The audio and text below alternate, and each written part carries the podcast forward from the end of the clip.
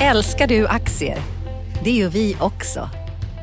Sea Worldwide Asset Management är en av Nordens största oberoende aktiva aktieförvaltare och har samlad kunskap sedan 1986. Ta del av vår kunskap på seaworldwide.se. Bokstaven C, worldwide.se.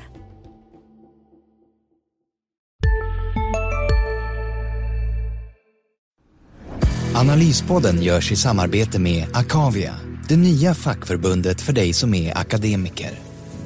Akavia bildades av civilekonomerna och Jusek och är idag det näst största fackförbundet inom Saco. Visste du att ungefär sju av tio tjänstemän i Sverige är med i ett fackförbund? Kanske inte så konstigt eftersom det finns många bra anledningar. Som medlem är du vår högsta prioritet. Akavia erbjuder expertråd inom just din bransch och profession. Dessutom blir du en värdefull del i ett av de bästa nätverken för akademiker.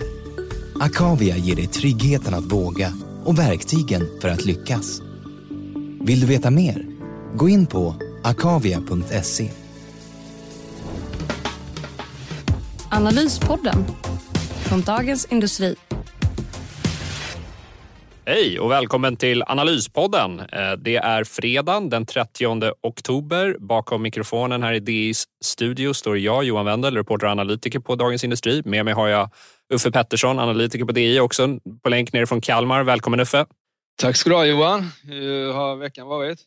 Ja, men du, eh, den har varit bättre än eh, börsen måste jag ändå säga. Här. Vi har ju haft en vecka här med fyra röda handelsdagar. Sen här på fredagen så har den index har ändå orkat sig upp lite över nollan eh, nu på fredagsförmiddagen då när vi står och spelar in det här.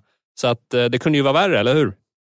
Det kunde vara värre. Eh, det har varit eh, lite stökigt. Man tittar man på de här eh, eh skräckindex tror jag liksom rubriksättarna brukar kalla det här VIX-index, alltså eh, hur mycket standardavvikelsen är på Stockholmsbörsen, hur mycket den rör sig, så har ju den tickat upp och det tyder på att det är oroligt. Men eh, här på fredag morgonen så såg det såg ut att bli ganska blodigt även på fredagen men nu är det faktiskt upp någon, eh, någon tiondels procentenhet här. Men mycket återstår av dagen eh, och vi får väl se vad marknaden gör under eftermiddagen och det kanske vi inte behöver prata så mycket om vad som hände i eftermiddag men vi kan väl prata om vad som har hänt i veckan för det är väl en, en del, eller vad tycker du Johan? Ja, ja, precis. Och vi kan ju börja lite där med vad som driver ändå börsnedgången. Jag vågar väl ändå påstå, ja visst, vi är inne i en kvartalsrapportperiod. Eh, här Q3 kommer i fullt ös och vi ska prata lite om dem senare. Men vi har ju också en eh, andra våg av eh, pandemin här i Europa som har blivit alldeles tydlig här eh, den gångna veckan. Frankrike och Tyskland har infört sådana här så kallade lockdowns. Då, då där man begränsar rörligheten i samhället med anledning av den ökade smittspridningen. Här i Sverige har Stockholm, Östergötland och Västra Götalands län fått eh, rätt skarpa lokala rekommendationer. Man ska hålla sig från gym och dylikt. Så att eh, följer man dem så är det ju faktiskt en lockdown vågar jag påstå ändå. Och allt det där har ju gett avtryck på börsen. Man är lite rädd för det här som vi såg i mars när eh, ja, eh, allt störtdök mer eller mindre aktiviteten här. Och eh, tittar vi på de bolagen då, som har eh, påverkats av det här så är det väl ingen chock att eh, gymaktierna har ju slaktats ganska, ganska rejält här och vi har ju då Actic och Sats då, som är det kanske mest bekanta här som är, var ner på torsdagen här och ja, det är inga roliga aktier just nu. Vad, vad har du för take på läget Uffe? Nej men så är det alltså. Vi har ju, eh, det är ju coronapandemin som driver ner börsen 6% i detta nu den här veckan då. Så oktober, om det inte händer något alldeles särskilt i eftermiddag, så kommer oktober bli en minusmånad på omkring 7% och det är den sämsta månaden sedan i mars. Då. Så det, är, och det har ju skett här sista, sista delen av oktober och det är ju corona helt och hållet. Det fanns väl liksom två faktorer tre faktorer in, för ett par veckor sedan så fanns det tre faktorer som kunde sätta, sätta dagordningen på börsen. Det var det amerikanska presidentvalet nästa tisdag det var rapportperioden som precis hade börjat då och så var det då det här corona och det visade sig att det var corona som var viktigast. För tar man rapporterna så eh, under tredje kvartalet för Stockholms, bolagen på Stockholmsbörsen men även internationellt så har de varit klart bättre än väntat. Och vad det gäller eh, eh, USA-valet så är det lika osäkert som det var för, några, för ett par, tre veckor sedan. Men det har liksom inte det, det har inte hänt någonting som har gjort marknaden extra orolig till följd av det där valet utan det är corona. Och det är klart att det ska bli väldigt eh, lite, lite, lite ska vi säga skräckblandat är det förstås, men det ska bli också intressant att se vad den här corona våg nummer två tar vägen och hur, hur, hur vi kommer agera, eller de som bestämmer kommer agera och hur vi som konsumenter kommer agera den här gången. För det är ju, det är ju liksom lite som att, stå, stå i ringen mot Mike Tyson. Man kanske klarar första rejäla smällen men den andra är inte säkert man klarar av. Så vi får se hur, hur marknaden reagerar. Hittills under det här väldigt speciella börsåret har det varit helt rätt att köpa på dippen som det heter. Men vi får se om det gäller den här gången också. Jag skulle vilja säga att vi får nog eh, avvakta lite innan vi ger de tydliga råden. Ja, precis. Eh, å andra sidan då, så har vi ju lite de här ingredienserna som gjorde att det var värt att köpa dippen då, då i mars, april. Där. Eh. Vi har techbolagen här, kom ju med massa rapport, eh, kom ju kvartett här, Amazon, Apple, Alphabet, Facebook kom med rapporter på torsdagskvällen, det var ju kanonrapporter. Fangbolagen som vi kallar dem. Ja, exakt. Och eh, deras samlade, den här kvartettens då vinst efter, efter skatt i Q3, eller senaste rapporterna här då ökade med 37 procent såg jag.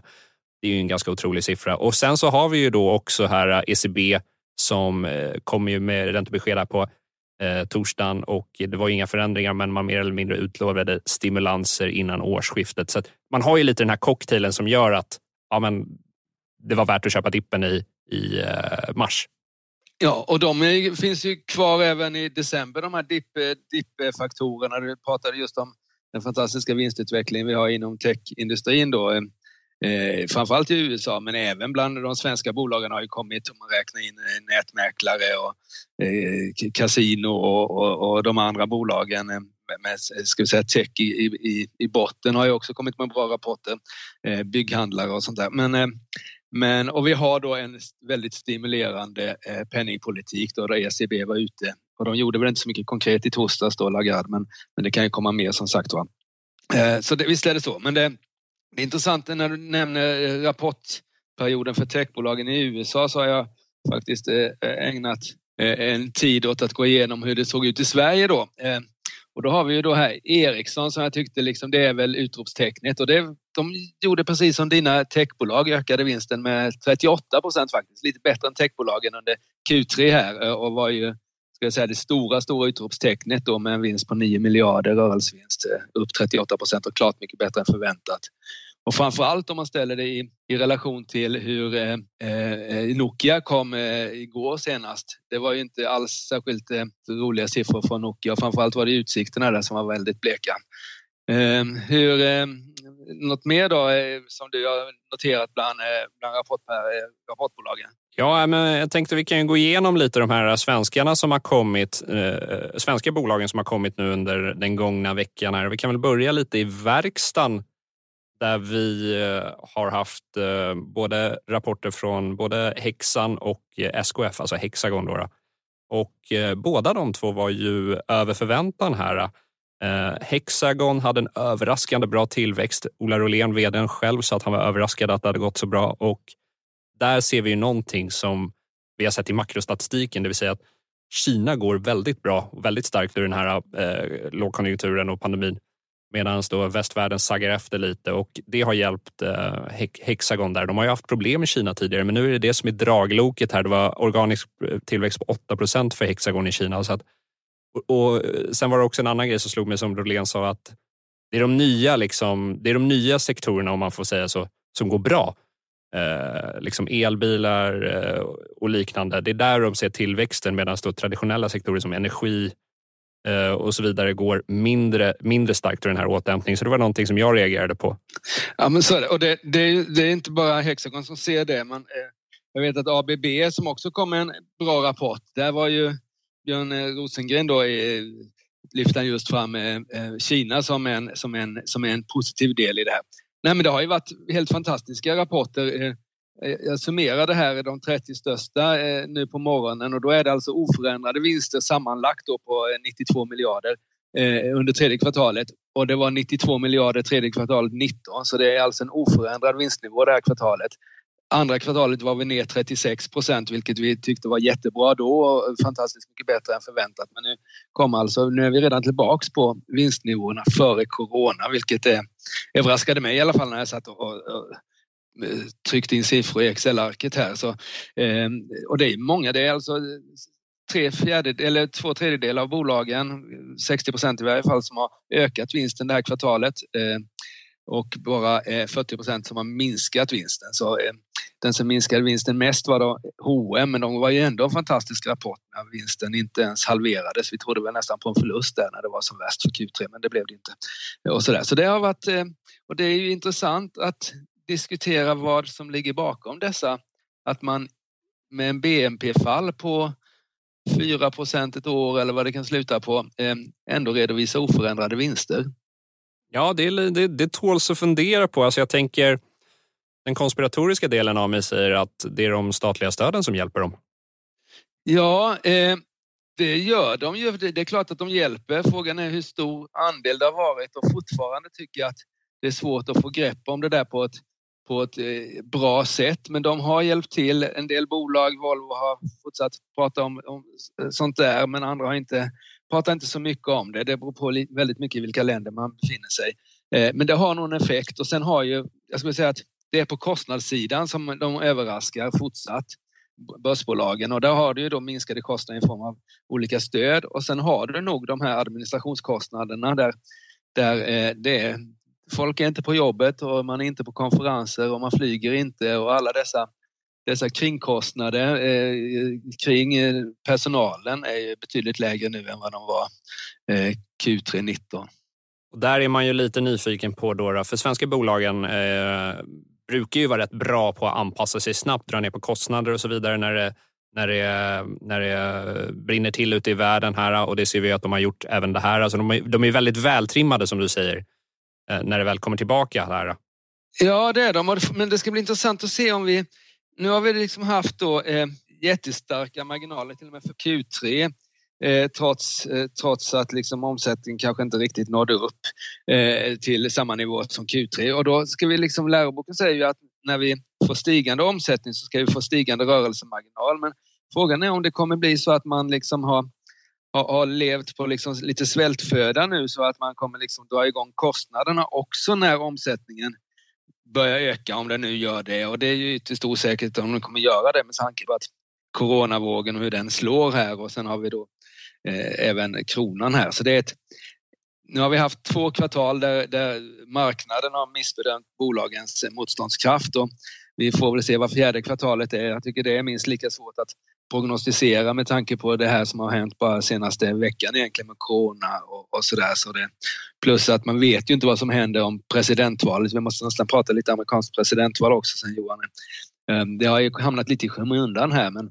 men det kan ju hända mycket efter ett val här nästan oavsett om det blir Biden eller Trump som vinner så vet vi inte hur, liksom, hur kommer Kina agera liksom, om det blir ett byte på presidentposten vilket verkar troligt just i detta nu då och, och, sådär. Så det, det kan ju hända jättemycket och hur kommer liksom motståndarsidan som förlorar agera när den andra vinner i USA och sådär. Det är ju väldigt det har varit en väldigt händelserik börsvecka i det röda åt det röda eh, tonläget, färglägret, men eh, nästa vecka blir minst intressant, lika intressant tycker jag. Ja, eh, verkligen. Eh, men eh, jag tänkte bara vi skulle beta av rapporterna här också som har kommit in under veckan. Vi hade ju också lite 031-verkstad som kom in här. SKF, kullagertillverkaren, kom in med en överraskande stark rapport de också. Eh, justerad ebit-marginal som landade på 13,3 procent. Eh, VD Alrik Danielsson kallar den för rekordartad. Eh, men även här är det ju lite, det är lite friserat. Det är därför det heter justerad ebit-marginal. De har ju lyft ut omstruktureringskostnader och lite sånt här på ungefär en halv miljard. Mm. Sen fick de ju också 100 miljoner kronor i statligt stöd här under Q3. Det hjälper ju också till att dra upp marginalen, men även justerat för det så var det en marginal som nästan var 13 procent av justerad ebit. Ja. Så det, det, ser ju bra ut för dem också. Ja, det är ju bra. Det är framförallt vad det gäller det som man har märkt under Q3 är väl hur bilindustrin har kommit tillbaks. Eh, SKF är ju relativt sett i alla fall ganska mycket bilunderleverantör eh, och det var ju den sektorn som tillhörde de stora förlorarna tillsammans med ska vi säga, hotell och restaurang och det där som vi vet. Men bland de industriella eh, industriella affärsområdena, industriella verksamheterna så var ju bilindustrin eh, eh, mest utsatt och nu kommer de... Har du också valt att bli egen? Då är det viktigt att skaffa en bra företagsförsäkring. Hos oss är alla småföretag stora och inga frågor för små. Swedeas företagsförsäkring är anpassad för mindre företag och täcker även sånt som din hemförsäkring inte täcker. Gå in på swedea.se företag och jämför själv. Just nu pågår vår stora season sale med fantastiska priser på möbler och inredning. Passa på att fynda till hemmets alla rum, inne som ute, senast den 6 maj. Gör dig redo för sommar. Välkommen till Mio. Igen då, redovisa en vinstökning eh, jämfört med en halverad vinst Q2. Så det är en rejäl vinstvändning de gör här på ett kvartal, SKF. Och jag tycker att Alrik, han, när han tog över SKF efter att ha varit hos Höganäs så tog det ett tag innan han liksom hittade, hittade rätt där. Men nu har SKF eh, kommit med en rad starka rapporter eh, faktiskt. Så det är eh, lite återkomst för Kulan som den heter, heter ibland i alla fall. Ja, och, och eh, sen kanske det inte, får vi se om det räcker på börsen. Vi såg ju Trelle också komma in här med en eh, rapport över förväntningarna, men det räckte inte riktigt för att lyfta aktien. Så att, eh, Eh, det, det, är lite oro där ute. Ja, men, ja, det är det. det, men det är mycket coronaoro. Men jag skulle säga också det här det var ett väldigt speciellt eh, rapportkvartal på så sätt att det föregicks av en massa omvända vinstvarningar och, och starka rapporter precis i början då med H&M och lite sånt där. Så det, det, är klart att då är det tristare att komma i slutet som då SKF och Trelle gör här för nu, nu är det bara knappt en handfull storbolag kvar, alltså de riktigt stora. Det är Skanska och, och Nibe och, och Securitas är väl också kvar.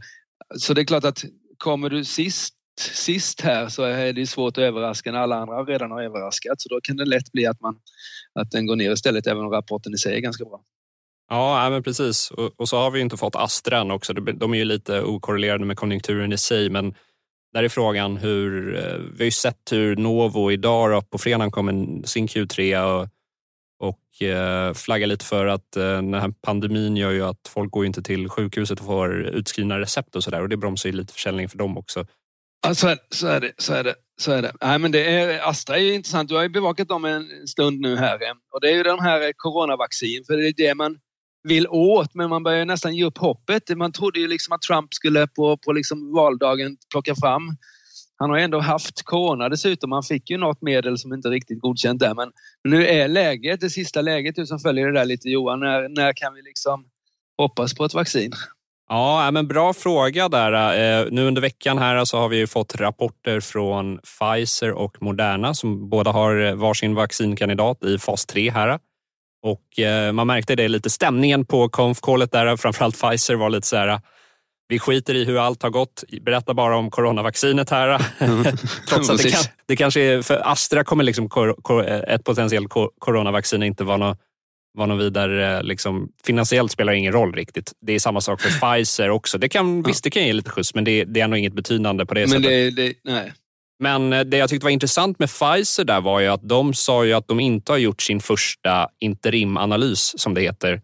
Och eh, Det betyder att eh, av de här tusentals människorna som de har i fas 3-studien och gett då placebo eller vaccinet de, 32 av de personerna har inte fått en bekräftad covid-infektion som är den första tröskeln. Då, Och det där är både goda och dåliga nyheter. Det, det goda nyheterna är ju då att Eh, det faktumet gör ju att eh, Pfizer kan fortfarande träffa sitt mål om att det här... Eh, alltså det kan vara ett bra vaccin helt enkelt. Att de träffar sitt mål om att ge ett minst 77 procentigt skydd då, mot covid-infektioner.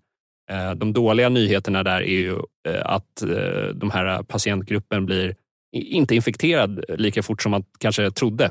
Och det där visar sig också i Pfizer har ju missat sina deadlines också tidigare när de har sagt att ja, men tidigare hette att vi skulle veta om det fungerade i slutet av september. Sen sa de slutet av oktober och nu säger de ja, mitten av november kanske. Så mm. att, och, och Moderna också det är Pfizer och Moderna som ligger längst fram skulle jag ändå säga. Eh, som vi, och sannolikt Pfizer då, som vi får veta först. Eh, vaccindata från sannolikt. Mm. Ja, spännande. Och det där kommer ju... Ja, det, man väntar ju kanske, börsen väntar ju förstås, eh, men eh, mänskligheten väntar ju i ännu högre grad, speciellt nu när vi har en Corona 2 här. Eh, eh, så det är, ju, det är ju också otroligt intressant. Men USA-valet då, eh, vad ska du sitta uppe på tisdagsnatten Johan? Ja, men jag gör nog det. Jag är lite sån där amerikansk politiknörd. Jag tycker, tycker det är väldigt spännande. Sen är jag, om man tittar börspåverkan, så här, generellt så tycker jag att vi överskattar valets betydelse för börsen. Alltså kolla bara på Trump 2016 där terminerna var ner en del när, när det stod klart att han var vald. Sen så bara bam, vände de upp när börsen öppnade. Så att börsen styrs ju av andra faktorer mer som presidenten inte kan påverka. Ja, men det var nog hans, jag skulle säga att den uppgången vi hade efter president Trump eh, vann där 16 var ju hans orsak. Det var inte så att det kom någonting annat där de dagarna. Utan det var väl att folk, det, det, sinnesstämningen kring Trump ändrades ju där. Alltså man såg ju honom som ett riktigt hot mot liksom demokratin och sen så började marknaden tänka på sina pengar och då sa de herregud, det här är en kille som ska sänka skatterna för företag och, och stimulera ekonomin och, och ta hem liksom amerikansk produktion. Och då, då sket de i de här demokratiska Eh, funderingarna utan kollade på, på siffrorna och, och höjde börsen ganska rejält de kommande veck veckorna efter valet. Ja, alltså jag ifrågasätter inte att hans eh, skattesänkningar där eh, 2017 eh, var dåliga för börsen. Tvärtom, jag håller med om att de var bra. Men jag tror, jag tror börsen hade fortsatt upp även om Hillary Clinton var vald. Men, och, och nu då? då vad, vad händer nu då, kommande valet? här? Jag tror att det mesta är inprisat. Eh, jag tror att USA och Kina kommer fortsätta att vara Eh, lite ovänner för att de har strategiska motsättningar. De vill olika saker oavsett vem som är president i USA. Eh, och den stora risken som jag ser är att om Biden vinner och Trump vägrar liksom att lämna över makten, att det blir någon sorts eh, konstitutionell kris i USA. Det är den stora risken som jag ser det. I övrigt så tror jag att det mesta är inprisat faktiskt. Vad tror du?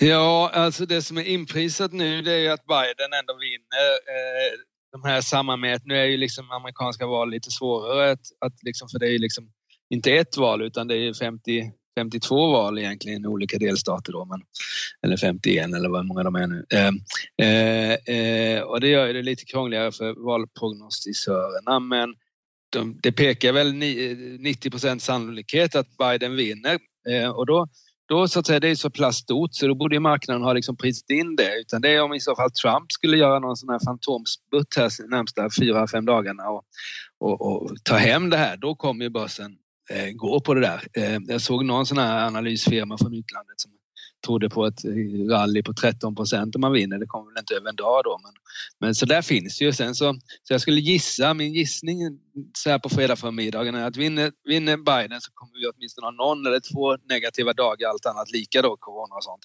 Eh, skulle Trump vinna så har vi liksom ett i alla fall kort, kortsiktigt börslyft eh, då de kommande dagarna. Ja, äh, det, blir, det blir hur som helst spännande att se valet här. Det, vi kanske inte ens vet resultatet på tisdagsnatten där. Nej, utan nej, det drar ut på tiden. Nej, visst, det var väl, var det inte Al Gore och, och Bush där, var det 2000? Det tog ju tog en månad innan, innan Bush hade vunnit. Så det, och det kan ju liksom, du kommer ihåg hur det var i Sverige. Det tog ju liksom ett halvår innan vi hade en regering. Så det, det kan nog, eh, vi kan nog sitta här i, i kommande poddar och prata USA-val om vi inte hinner prata så mycket just idag Johan. Ja, vi ser om jänkarna kommer fram till något uh, December deal eller, eller January agreement. Jag tänkte att vi eh, skulle blicka lite mot nästa vecka. Du har varit inne på USA-valet här eh, tidigare. Det är såklart en av de stora händelserna. Sen har vi ju lite kapitalmarknadsdagar också. Arjo först ut på måndagen där eh, och sen så har vi bland annat Sandvik senare i veckan. Så att det, det händer en del bland kapitalmarknadsdagarna. Ja, det gör det. Och eh, Arjo är ju en fantastisk börsresa sen, sen de noterades. Den började handlas på 24 spänn och står nu i 62 så det är ju inte riktigt 200 procent men inte så långt därifrån. Eh, var ju nere, den fick ju liksom ett svagt mottagande också när, när Carl Benett knoppade av det där men sen har de i stort sett varje rapport sen, eh, sen eh, senaste tre åren då knappt eh, levererat eh, resultat här så de, de gör det bra och eh, ja, så det, det, det, är absolut ett bolag att att bevaka och då är kapitalmarknadsdagen ett bra tillfälle att inleda sin bevakning då för jag antar att man kan kolla på nätet eftersom man inte får resa eh, så mycket nu. Ja, nej precis. Det är lite begränsningar på den fronten. Uh, och så får vi, får vi se var den här pandemin tar vägen. Vi får väl hoppas att vi kan bromsa den lite här nu uh, komma, i helgen här och kommande vecka. Så att det inte blir något liknande som i våras vi såg där. är det något mer vi borde ta upp Uffe? Nej, jag tycker det räcker det. Vi har pratat om att rapportperioden var jättebra men det har inte hjälpt den här börsveckan utan den är är minus nu även om eh, index har stigit ett par, tre tiondelar till här medan vi har pratat Johan. Eh, och sen nästa vecka så är det ju kapitalmarknadsdagarna som vi pratade om, men framförallt så är det ju valet som ändå kommer, är en, en stor händelse, eh, USA-valet. Och så corona och hur andra länder reagerar nu när Tyskland och Frankrike har börjat ta i på allvar. Och även Sverige tycker jag i delar i alla fall är ju, känns ju som det är, det är tuffare tag i Sverige nu än vad det var i mars-april egentligen. Det är liksom tydligare besked på något sätt och det kanske kommer mera där om vi inte får, får hejd på det här. Så det är ju man får stanna hemma och hålla avstånd och, eh, och ta det lugnt och kolla börsen och sen förbereda sig för tisdagens presidentval tycker jag. Ja, vi kanske bara ska nämna det kort här att vi har ju ändå lite förvärvsaktivitet här på fredagsmorgonen när det här Edgeware då, som levererar lite, eh, som hjälper folk att streama till OTT-produkter, sådana här over the top-produkter. Där.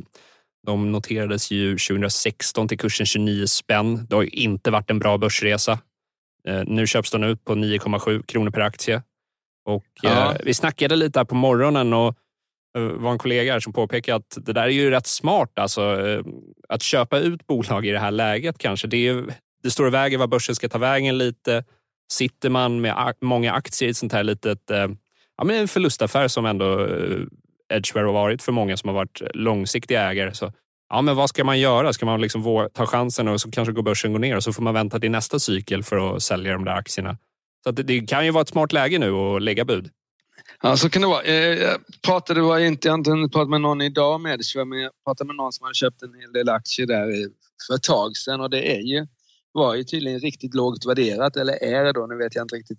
Jag har inte följt det så noggrant så jag kan inte, men, men med nettokassa och allting. Eh, nej, men budet är det åttonde budet eh, hittills i år, eh, Johan, så det är faktiskt mer än vad det har varit senaste åren. Många har kommit här just under krisen så det finns någon del storägare och andra industriella ägare som passar på nu. Möjligt att de här spanjorerna som vill köpa Edgeware gör precis det då, för jag har hört att bolaget är lågt värderat sett till dess potential och det finns väl en anledning att de en gång noterades till 29 då, att det fanns liksom ljusa utsikter på den tiden i alla fall och ha nettokassa och sådär. Men jag vågar inte säga huruvida budet är ett skambud eller om det är rättvist här. Jag kan Edgeware lite för dåligt just nu då, men något som är intressant i den här affären är att Carl Thedéen eh, som är VD här sedan år i, i Edgeware och ganska stor ägare. Han, det är andra gången han är VD för ett bolag som blev utköpt från börsen. Han var ju VD för Transmode som var väldigt framgångsrikt när de försvann till USA här. Eh, så vi får se, man kanske ska hålla utkik. Om nu affären går igenom Edgeware eh, det är en del som har tackat ja, eh, tyckte det var 40 procent ungefär. Om den går i lås då får man väl se vad Carl Thedéen tar vägen en tredje gång för då kan ju det bli en uppköpskandidat det också. Ja, eh, vi får se var han landar. Eh, men eh, då tycker jag vi, vi rundar av den här podden och tackar för att, att ni lyssnade. Och så passar jag på att pusha lite också för våra andra DI-poddare som vi har här. Man kan ju få Morgonkollen som vi ger ut på morgon, varje morgon här för att få lite nyhetskoll. Den kan du få som podd. Vi har ju våra kollegor på DI Digital som gör Digitalpodden. Och så har vi ju också vår analysredaktionkollega Viktor Munkhammar som gör Makrorådet om man vill nörda ner sig i ja, makro helt enkelt. Just det, det tycker ni ska göra och så får ni inte glömma bort att tänka på de som inte har möjligheten att lyssna på Analyspodden utan som har lämnat oss. Men eh, det är ju alla helgonas dag här. Men eh, som sagt var, tack för att ni lyssnade. Eh, så hoppas jag att vi hörs igen nästa fredag. Ha det bra. Tack. Tack, hej. Analyspodden från Dagens Industri. Programmet redigerades av Umami Produktion. Ansvarig utgivare Peter Fellman. Analyspodden görs i samarbete med Akavia, det nya fackförbundet för dig som är akademiker. Akavia bildades av civilekonomerna och Jusek och är idag det näst största fackförbundet inom Saco. Visste du att ungefär sju av tio tjänstemän i Sverige är med i ett fackförbund? Kanske inte så konstigt eftersom det finns många bra anledningar. Som medlem är du vår högsta prioritet. Akavia erbjuder expertråd inom just din bransch och profession. Dessutom blir du en värdefull del i ett av de bästa nätverken för akademiker. Akavia ger dig tryggheten att våga och verktygen för att lyckas. Vill du veta mer? Gå in på akavia.se.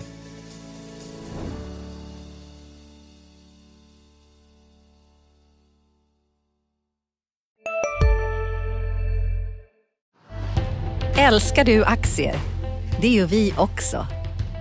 Sea Worldwide Asset Management är en av Nordens största oberoende aktiva aktieförvaltare och har samlad kunskap sedan 1986. Ta del av vår kunskap på seaworldwide.se. Bokstaven C, worldwide.se